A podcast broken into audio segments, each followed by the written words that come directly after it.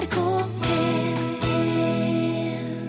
Hei og velkommen til Mellom himmel og jord. Mitt navn er Ove Gundersen. Det var Elicia Keys sammen med mannen som kaller seg for Usher, som åpnet det hele med If I Ain't Got You.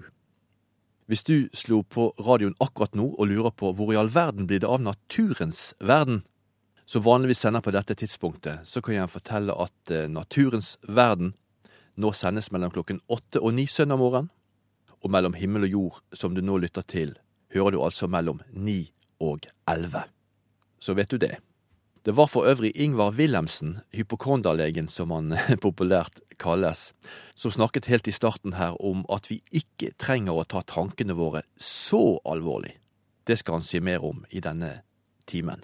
Men vi starter med deg, kollega Margrethe Nåvik. Du har møtt en interessant ung mann. Ja, det, det har jeg. Du har kanskje hørt om den du òg, på radio, eller eh, lest om den i avisa den siste uka. For Ola Skrøder Røiseth, han har altså bretta ut sitt eget liv, sin egen reise til Danmark for å kjøpe sex, i boka han har skrevet sammen med fetteren sin eh, Arne. Jeg tror jeg er den første i Norge som står fram med navn, faktisk. Det er, det er jo noe som alle Så la oss nå snakke om noe annet. La oss snakke om Gud, tenker jeg. Men alt henger sammen med alt. Og det skal vise seg at vi ender opp med å snakke om sex i dag også. her. Jeg tror jeg kommer gjennom. Her ruller en gjennom NRK-huset med to assistenter på slep Ja, jeg tror det er millimeter i en rullestol som holder maksfart 9,9 km i timen. Inni kroppen til Ola så er det ei metallstang av titan. Den går fra korsryggen og opp til halsen. Er festa med 74 skruer i ryggsøylen. Alt det her for at han skal kunne sitte oppreist. Han har eh, noe som heter spinal muskelatrofi. Musklene hans har blitt svakere og svakere siden den dagen han ble født for 22 år siden. da. Og nå er svelgemuskelen ute av drift. Han kan ikke spise lenger. Og han eh, kommer til å miste stemmen. Det er sannsynlig at han forlater denne jorda som ung mann, men han tenker seg et liv etterpå. Han har en forestilling om Gud som har forandra seg, heldigvis. For før så trodde han at alt han ble utsatt for, var en straff. Jeg var jo overbevist om at når jeg er på sykehus så skulle stikke sprøyte, så var antall ganger jeg måtte stikke, en vurdering fra Guds side. Så hvis det var få ganger, så hadde jeg vært snill. Det var en positiv sak. Hvis det var mange ganger, så var det en straff. Hvor kom denne forestillinga fra?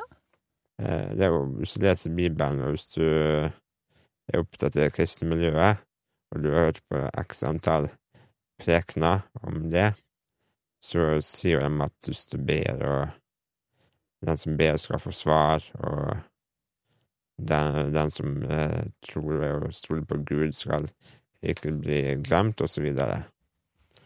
Og når jeg da ba om at ting skulle gå bra, og det ikke gikk bra, så er det lett å trekke en linje derfra til at det er en straff. Mm. På et eller annet tidspunkt så har du klart å riste av deg det, forstår jeg? Ja, det har jeg. I dag så ser jeg på Bibelen som en veiledning, ikke en, ikke en rettesnor nødvendigvis. Men for eksempel ta sex utenfor ekteskap, da. Hvis du spoler 2000 år tilbake, hva hadde skjedd da? Hvis eh, alle sammen kunne ha sex med hverandre uten noe problem? Du hadde endt opp med ekstremt mange barn, og du hadde ikke klart å brødfø alle. Så du mener at uh, det stiller seg annerledes i dag, derfor så Ja. gjelder ikke de reglene lenger? Det stiller seg absolutt annerledes i dag, og vi har jo et veldig åpent samfunn på det seksuelle. Og vi har prata mye om det fysiske ved det, men det vi ikke har prata så voldsomt mye om, det er jo hvorvidt det påvirker selvbildet til den enkelte. Men du Ola, nå brakte du jo dette på bane sjøl, altså. Ja, eh, Jeg hadde jo ikke tenkt jeg skulle mase så mye om det, ettersom du har snakka mye om det, men når jeg leste boka, så Det var ganske detaljert beskrivelse fra din tur til Danmark, Ja. hvor du kjøpte seksuelle tjenester. Ja. Eh, Jeg trodde jo kanskje jeg skulle få litt trøbbel med å se deg i øynene etterpå, men det går helt bra, kjenner jeg. ja. Fortell hva det gjorde med selvbildet ditt. For meg var det en veldig positiv eh, boost. fikk oppleve noe så annerledes, noe så eh, unikt fra mitt perspektiv. Jeg følte meg som et menneske, skrev du. Ja. Se for deg at du hele tiden anser deg sjøl for å være noe eksternt. At det er deg, og så har du dem. Ja, du blir en som gjør det samme som de andre. Mm. Men, men hva med sjølve det som skjedde der? Gjorde det noe med deg, det? Jeg er jo vant til å være naken, skal jeg til å si. Jeg er komfortabel med det, Mm. men det er alltid jeg som er naken, og alle andre i rommet er påkledd. Mm. Eh, så det var jo en ny opplevelse i seg selv. Men eh, det handler jo om det ytre, på en måte, da. Hvordan du blir sett på, hvordan du ser på deg sjøl. Ja, men det er også indre. For hvordan du ser på deg selv, det er jo en indre sak. Eh, det er ekstremt vanskelig for personen å forandre sitt eget selvbilde, med mindre noen kommer og påvirker det. Går det an, tror du? Jeg er tvilende. Skal vi prøve å ringe opp Ola? Arne? Eh, Arne? Ja, det kan vi prøve på. Men du, før vi gjør det, så må jeg bare spytte. Ola kan altså ikke svelge, han har ikke muskler til det, så han benytter anledningen til å be assistenten komme med spyttekoppen. Så får vi Arne Skrøder Kvalvik på tråden, fetteren til Ola, som han har skrevet boka sammen med. Hallo, hallo. Arne, han ble oppdratt til å be for Ola hver eneste kveld. Driver han fortsatt med det? Eh, nei, jeg har ikke gjort det på ganske lenge, tror jeg. Men eh, dere skrev her at første møtene eh, i forbindelse med skriving av bok var hemmelig, fordi ellers så ville noen ha stoppa dere. Hva var det for noe? Ja, Ola. Ja, eh, jeg vil at det skulle være hemmelig. Eh, fordi hvis jeg skulle kunne være 100 ærlig, så ville ikke jeg at det skulle være noe At noen skulle vite om det. For da ville det blitt lett å sensurere meg. Mm. Jeg tror for eksempel at mine foreldre ville ha klart å prate meg ut av og fortelle åpent om eh, opplevelsene mine i Danmark. Det tror jeg de hadde klart. Da du handla seksuelle tjenester. Ja. Nei, det hadde, det, det hadde blitt en helt annen bok hvis vi hadde vært eh, åpne om det fra starten av. Egentlig jeg er så glad at vi ikke var det, fordi da har det blitt liksom Vi havna på et sånn der til som var helt sånn spesielt. Og jeg visste jo ikke hvor vi skulle når, egentlig, når vi begynte med boka. Det kunne jo liksom kunne jo blitt sånn at jeg skulle ha snakka med foreldrene eller andre rundt, eller få andre eh, meninger om oppveksten òg. Det har jo Det kunne jo på mange måter vært naturlig, men nå ble det sånn derre helt, helt ærlig og rått fra en, eh, en eh, 21 år gammel gutt som nå blitt 22, da. Uten noe filter, og det er så helt fantastisk, altså. Det, det, det er mener jeg er det mest spesielle med boka her. Og det er ikke noen som Ola er ikke 40 år og sitter og ser tilbake og eller sånn. Han lever midt oppi, oppi det nå i det moralske og øh, skammen som man kan føle på innimellom alt det lever han i akkurat nå. Og han har problemstillinger akkurat nå. Du er ikke helt ferdig, Ola? Nei, det, dessverre så er jeg ikke helt det. Men det er også fordel at en lærer så lenge en lever. Og jeg tror jeg kommer til å lære ganske mye fremover nå. Fordi Nei, nå har jeg vært åpen. Ja. Eh, når jeg da er åpen om ting, så er det lettere å få impuls fra andre. Ja. Og få se eh, hva folk tenker om saken, og få komme frem Og ikke minst få diskutert åpent. mm. Men øh, skal vi si ha da, Ola? Skal jeg dra på sykehuset med ta en sjekk på det barnet? Ja, du, hils, da. Jeg Hils du Ida og alle, så eh, snakkes vi. Hei. Ha det. Arne Stikk, og det er én ting jeg har lyst til å spørre Ola om før han ruller ut av studio. Døden lurer rundt hjørnet. Legene ga Ola to år, nå har han fått 22. Hva tenker han om det som skjer etterpå? Jeg håper på en himmel. Hvordan får du til å beskrive den? Jeg kan beskrive eh, definisjonen av helvete, min sin, og så kan vi ta den motsatte.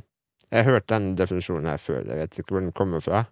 Men du har fem personer som sitter rundt ei gryte. Alle sitter ti centimeter fra gryta. Men skeia de har, er en halvmeter lang. Så uansett hvor mye en ønsker å spise, så får en ikke til, for skeia er for lang. Så de sitter rundt gryta, de sulter. Mens eh, himmelen, der har de som sitter rundt gryta, innsett at du kan mate den personen på andre sida Fordi skeia er såpass lang at du kan bruke den. Og eh, alle som sitter rundt, dem mater hverandre og har det fint. Jeg tror på en himmel hvor du har ikke lidelse, eh, men du har sikkert problem. Mm. Eh, men det er ingen som lider. Eh, jeg heter Suleika Ali Omar. Og når jeg tenker på godhet, så tenker jeg på Arne. Barneskolelæreren min i Harstad. Jeg tror det var første gangen jeg merka at noen så meg. Og det vil si noen ga meg rom, plass, ro, trygghet. Og så syntes han var bare verdens snilleste lærer, for han var veldig rolig og god. Suleka Ali Omar er 34 år, danser og skuespiller, bosatt i Oslo. Hun er født i Somalia og eh, kom til Norge som eh, flyktning åtte år gammel. Sammen med mammaen og eh, søskna ble hun bosatt i Harstad. Arne, Arne. og fra tida på barneskolen har minnet om læreren Arne brent seg fast. Skal vi se, hva var det Arne sa? Eh, jo, han syns eh, Hvis jeg gjorde feil, så kom han bort og sa Ja, men det her ordner vi, Suleka. Se her. Nå skal du høre. Og så veldig sånn Ja, det er ikke noe problem. Og så alle de avvæpning som han gjorde, hjelper jo en unge til å kanskje slappe litt av. Og så kunne han si sånne ting som ja, men det her hadde jeg syntes var vanskelig sjøl, så nå skal du høre. Sånn kan vi, vi fikser det sammen. Nå skal du se her. Hva er én pluss én? jeg vet ikke. Nei, men, Hva gjorde det med deg? Det gjorde meg tryggere i læringsfasen. Og så kan man jo diskutere litt om jeg var en god elev eller ikke, eller om jeg skjønte alle oppgavene. Men jeg gjorde i hvert fall så godt jeg kunne. Altså At jeg var trygg på at jeg gjorde så godt jeg kunne. Istedenfor å prestere ut ifra at du stresser og skjønner at han, han syns du er dust, liksom. Som ikke får det til. Ja, Var det sånn du kunne føle deg med de andre lærerne av og til? Ja, det tror jeg er lett for en unge å merke. Og da tror jeg ikke du får gleden av å lære, da. Etter at Tonje Unstad sang 'Jeg ror aleine', hørte vi Suleka Ali Omar som pratet med Kjetil Lillesæter. Og temaet, ja, det var godhet. Når jeg snakker med folk, så er det egentlig holdninger jeg tar opp. For veldig ofte tar jo folk opp ekte problemer de har når de snakker med meg. Ting de har opplevd som et vanskelig, eller konflikter de står i, eller et symptom de har. Og det er jeg faktisk ikke så veldig interessert i. Jeg må jo høre litt på det og være litt empatisk, og liksom, sånn at, at de føler seg forstått. Men jeg er mye mer interessert i hvordan man forholder seg til de ekte problemene. Fordi at uh, Ofte er ekte problemer sånn at du kan ikke gjøre noe med det. Det kan være ting som har skjedd, det kan være sykdommer du har. Du kan ikke velge den vekk. Derfor er det utrolig viktig hvordan man forholder seg til det som man da opplever, og der står man også veldig fritt. Så er det om å gjøre å velge holdninger som hjelper oss å nå målet vårt, syns jeg iallfall er litt greit. Men folk selvfølgelig må gjøre som de vil. Jeg tror faktisk at flaks og uflaks er veldig undervurdert. Og grubling og bekymring derimot veldig overvurdert. Så det snakker jeg litt med folk om. Fordi at de fleste som kommer til meg, iallfall på hypokondaklinikken, de jo, har angst. Så det vil si at de er kreative folk, eh, fantasirike, for det må man nemlig være hvis man skal drive det langt inn i en angst. Man må komme på ting. Sånn at folk som er litt trege og litt traust, og, og de får jo ikke så mye angst. For de kommer jo ikke på det de må komme på for å ta av. Så det er utrolig interessante, sjarmerende folk. Kommer på ting hele tiden. Og da får man tanker. Og det som jeg tror er et problem i samfunnet, faktisk et folkehelseproblem, det er at folk tar tankene sine altfor alvorlig. Altså, Tanker det er jo bare tanker, hendelser i sinnet, og egentlig ikke så veldig interessant. Men veldig mange, når de får en katastrofetanke, tenk om, og den var fæl, den må vi hente ned og vri og vende på og gruble over og gjerne følge to the bitter end. Kommer det noe ut av den typen grubling? Faktisk ikke, for man grubler ofte over ting der uh, svaret kan ligge i fremtiden. Det finner man ikke nå. Eller det er ikke noe svar. Så mens flaks og uflaks er veldig undervurdert, tror jeg at grubling og bekymring er veldig overvurdert. Og jeg snakker en god del med folk om hvorfor de driver og tar sorger på forskudd som de ikke kan gjøre noe med. Det kan være å forberede seg på døden uten å vite hva man skal dø av. Man er bekymret for hva som skal skje med barna. Man kan være bekymret for at flyet skal dette ned. Det er utrolig mange temaer man kan velge. Det som går igjen, er at man får ikke kontroll på noe av dette. Ja, hvorfor driver du med dette? Det har jeg spurt om, uh, spurt mange folk. Og den vanligste grunnen, som jeg iallfall møter, det er jeg har lyst til å være forberedt på det verste. Jeg vil ikke bli tatt på sengen med en barneulykke eller kreft, jeg vil være klar så driver folk og forbereder seg, da, og de øver. Kveld etter kveld, natt etter natt. Og hele poenget med den øvelsen der, det er at du skal ta litt brodden av det hvis det skjer. Sånn at du vil ikke få kreft eller barneulykke midt i fleisen, helt uforberedt. Så jeg har nå spurt mange er det der lurt. For jeg har sagt til folk at hvis det er lurt å drive sånn og gruble og bekymre seg, skal jeg jammen begynne sjøl. Men kan man øve på barneulykker eller kreft? Ta, det, det, det dumme er jo at fæle ting er fæle ting. Og dessuten kan man jo øve på helt feil katastrofe. Det må jo være meningsløst. At man holder på med noe helt annet, og så brenner huset ned. Så det er ikke så lett å øve på ting når man ikke vet hva man skal øve på. Så det er nå det ene. Men et annet argument er jo dette her at eh, de tør ikke la være å bekymre seg, for da kan jo alt skje. Akkurat som det å bekymre seg i seg sjøl hjelper. Nei, jeg tror vi skal akseptere livets usikkerhet. Det meste får vi ikke kontroll på, og i bunn og grunn er livet både usikkert og ensomt. Og det er vel ingen som beskriver det bedre enn Jan Eggum. En natt forbi med Jan Eggum var det, og Ingvar Wilhelmsen, lege og psykiater, kanskje mest kjent som hypokonderlegen, snakket om å ikke ta de verste tankene så alvorlig. Kanskje et ålreit budskap som vi trenger å høre en søndag formiddag. Ingvar Wilhelmsen var nylig gjest i programmet Sommer i P2, hvis du syns det var noe kjent med det du hørte her. NRK P1 Godt selskap. Når vi først er i bergenstraktene, så tar vi en tur innom Skeivt arkiv igjen, slik vi gjorde sist søndag.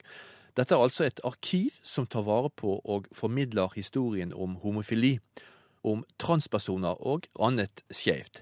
Sist helg hørte vi om Jens som kom til Drammenstraktene på 1700-tallet. En skikkelig arbeidskar som giftet seg med Ann Kristine. Men det viste seg etter hvert at Jens var født Marie og kom fra Gran på Hadeland.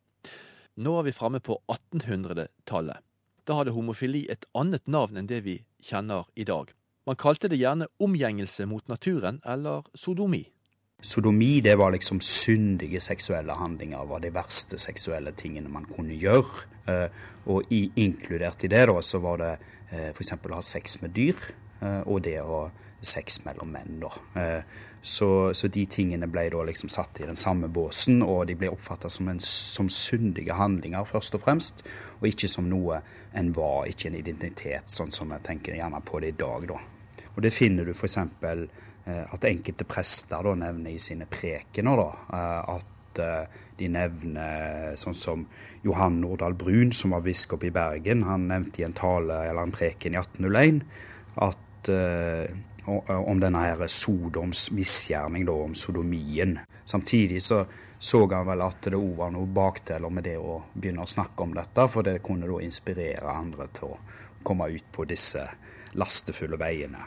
Når var det liksom det begynte å bli, bli kjent og begynte å bli en diskusjon rundt dette? da? Ja, i mediene? Det du kan si er jo at hvis du går utover på 1800-tallet, så finner du noen saker der eh, avisene omtaler såkalte sodomisaker. Og i, i 1847 så ble det f.eks. Eh, kom det en liten notis da i en av de store avisene, Den norske Rikstidene, som omtalte at det var tre kvinner som var dømt for omgjengelse mot naturen. Rettshistoriker Anette Halvorsen Aarseth har funnet ut hva denne saken handlet om. Det var den 68 år gamle Simonette fra Helgeland som var tiltatt sammen med to av sine tjenestejenter. Hun tilsto å ha hatt seksuell omgang med de to andre ved å ha lagt seg oppå dem og dasket flatkinn, som hun formulerte det. En av de andre kvinnene fortalte at Simonette da gebærde seg aldeles som et mannfolk under en sådan forretning, og det medførte en forferdelig knagen og bragen i sengen. Retten fant det også bevist at hun hadde benyttet seg av et kunstig mannlig lem, som i bygda ble kalt en løsfyr. Så det var, det var forbudt for kvinner også, for det var liksom ofte menn man tenker på i sånne situasjoner? Ja, og den saken fra 1847 er veldig interessant, fordi den kommer opp til Høyesterett nettopp fordi man er i tvil. Skal eh, kvinner kunne omfattes av dette? I den saken så endte det med at det ble en dom, selv om Høyesterett var i tvil om det egentlig var forbudt ifølge loven. Men senere utover på 1800-tallet så ble det slått fast at kvinner ikke skulle være en del av eh, Eller skulle omfattes av paragrafen. Eh, på slutten av 1800-tallet så begynner en å tenke på mennesket på en helt annen måte. Mennesket var ikke bare et moralsk vesen som kunne synde eller være tro mot Gud, men det var òg et naturvesen. Og eh, Da begynte man å se på menneskets handlinger og bakgrunnen for dem i menneskekroppen og i arv og biologi og sånne ting. Og da begynte man å snakke om masse ulike typer handlinger som menneskene gjorde, og prøve å forstå dem med bakgrunn ikke i religionen, men i naturvitenskapen. Og da var det at man begynte å snakke om homoseksualitet. Begrepet homoseksualitet ble brukt for første gang i 1868 i Tyskland.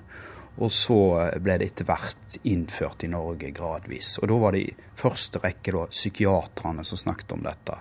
Eh, de snakket om eh, homoseksualitet som noe som var medfødt, det var arvelig, og det var sykelig.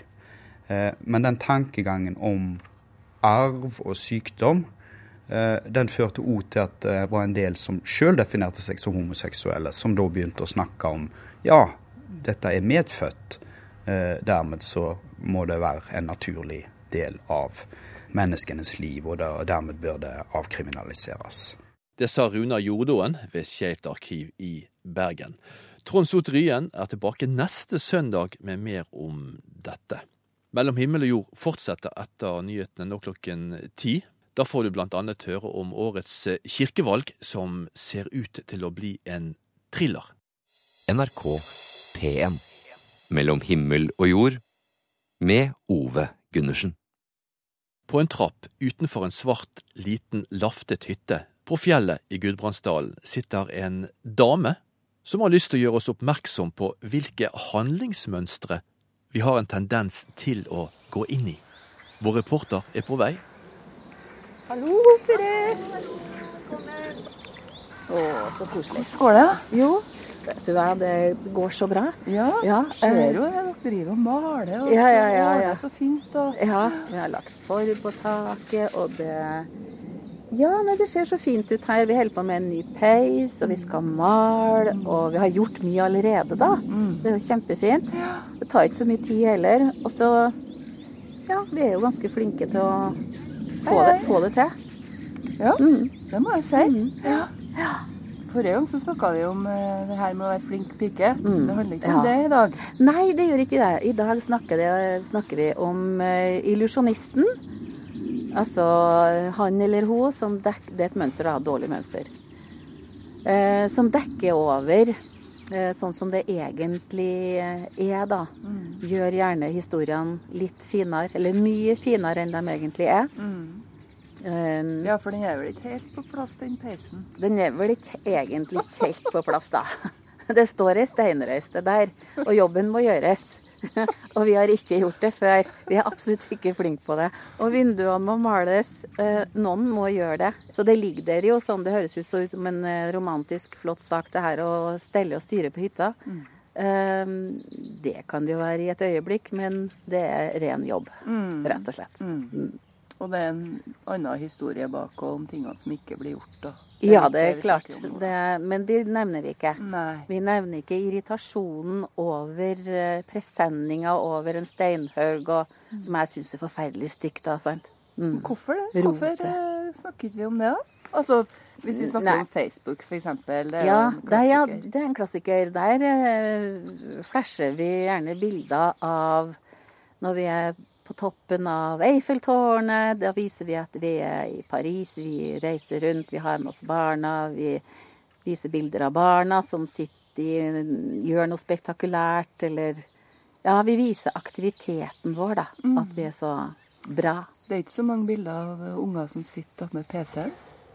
Sjøl om de sitter jo de, Det er jo der de sitter, men ja, det har de jammen meg rett i. Det er ikke, de, dem er det ikke mange av, altså. Nei. Men sånn, sånn, fra utsida så er det jo faktisk ganske frigjørende når noen eh, viser fram eh, det skitne gulvet sitt, eller eh? Ja, det er, veldig, det er veldig fint. Og jeg ser en tendens i tida også, at det er nettopp eh, veldig greit å vise den andre sida. Du, kanskje vi skal slenge ut en utfordring her nå? For at vi Ja. har en Facebook-side som heter NRK Livet. Mm.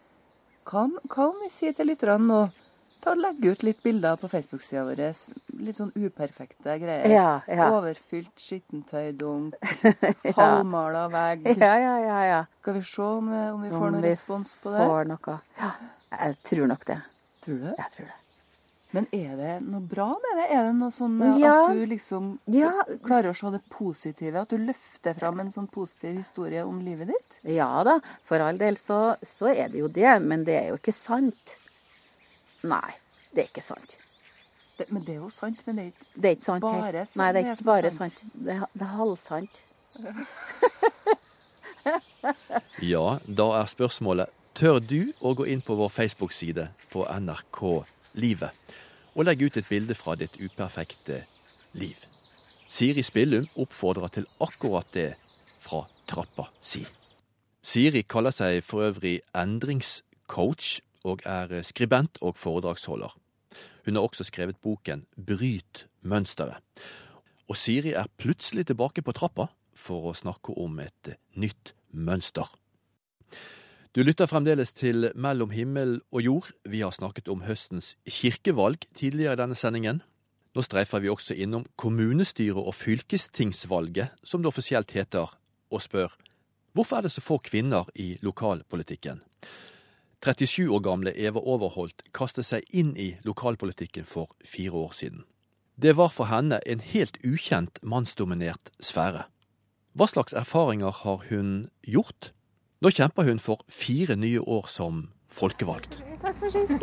Det er fire år siden sist jeg møtte Eva Overholt. Den gang var hun 33 år, fabrikksjef, mor til ei jente på åtte, og med på sin første valgkamp noensinne som fersk andrekandidat på en bygdeliste i Skaun kommune i Sør-Trøndelag. Nå er vi på vei inn i et grått industribygg i Trondheim. Hun har skifta jobb siden sist og er nå avdelingssjef og pendler fem mil hver dag. Men hun har fortsatt kort, brunt hår og er klar for en ny valgkamp. Selv om mye er likt, har det politiske engasjementet forandra Eva som person. Eh, Ja, det tror jeg nok. Eh, Litt fordi at eh, kunnskapsnivået mitt har øka veldig, og har jo fått utfordra meg sjøl på en annen måte enn jeg har vært vant til før. Så det har nok forandra meg sikkert mer enn hva jeg tror sjøl. Kan du si litt mer om det? Ja, det, det er jo litt det med å, å gå inn i noe som er helt ukjent, da. For det var det jo for fire år siden. Det, jeg visste jo ingenting hva det her egentlig dreide seg om. Så det er jo en utfordring i seg sjøl å, å hive seg med på noe som en ikke egentlig vet hva vil innebære. Etter jobb skal Eva Overholt stå på stand utenfor butikken i Buvika for å snakke med folk. De neste ukene vil hun bruke mye tid her, men denne gangen er det en mer avslappa utgave av andrekandidaten velgerne vil møte. Forhåpentligvis så får han kanskje til å svare litt bedre på spørsmål som skulle komme, da, og forklare litt mer. For at han har jo tross alt fått ganske mye innsikt i saker og hvordan ting fungerer. og Jeg føler meg litt roligere denne gangen enn hva jeg gjorde sist. Da var det litt mer nerver, eller litt mer spenning. da. Nå er det ikke det på samme måten. Hvordan kjennes det, da? Nei, det er veldig greit, egentlig. Føler seg litt tryggere på oppgaven. Og det er jo bestandig godt. Det var nettopp på stand jeg møtte henne for fire år siden. Da laga jeg også en radioreportasje om at kvinnene var i mindretall på partilistene, og at Eva fikk opp kvinneandelen blant topplassene. Men selv har jeg ikke hørt innslaget. Jeg liker ikke å høre stemmen din på radio. vet du. Jeg har lest reportasjen, ja, men jeg har hørt radioen har ikke jeg gjort. Det må du gjøre etterpå. Nei, for se. Det er ikke annet å gjøre. Her, da. Vi finner frem datamaskiner og hører sammen. Ja, det er ikke så mange kvinnelige innslag, nei. Det- Vi er i mindretall, ja. Hva tenker du om det? Det er jo litt synd, da. Nei, Det er jo aldri noe greit å høre seg sjøl på radio, men uh, det stemmer jo det jeg sier. Den utfordringa som jeg snakka om der, den, den er jo, har vi jo fortsatt. Det er vanskelig og utfordrende å, å få damer generelt til å ønske å stille på ei liste. Og det fører til at menn dominerer i kommunestyresalene. Det bekrefter professor ved Høgskolen i Lillehammer, Ingrid Gullvik, som har forska på kjønn og representasjon. Over 70% av listetoppene er menn. Så det er en stor mannsdominans på, på toppen av listene. Og dermed så blir det òg flest menn i kommunestyrene, og det blir flest menn i lederposisjoner i kommunestyret. Hvordan er utviklinga på dette området? Det går veldig sakte. I 1999 f.eks. da var det 34% kvinner i kommunestyret, og i, ved valget i 2011 så var det 38% Så det er en veldig svak økning av kvinneandelen. Det er på tide å dra fra jobb for å unngå den verste rushtrafikken ut av Trondheim. Før Eva Overholt er klar for å stå på stand, skal hun hjemom en tur.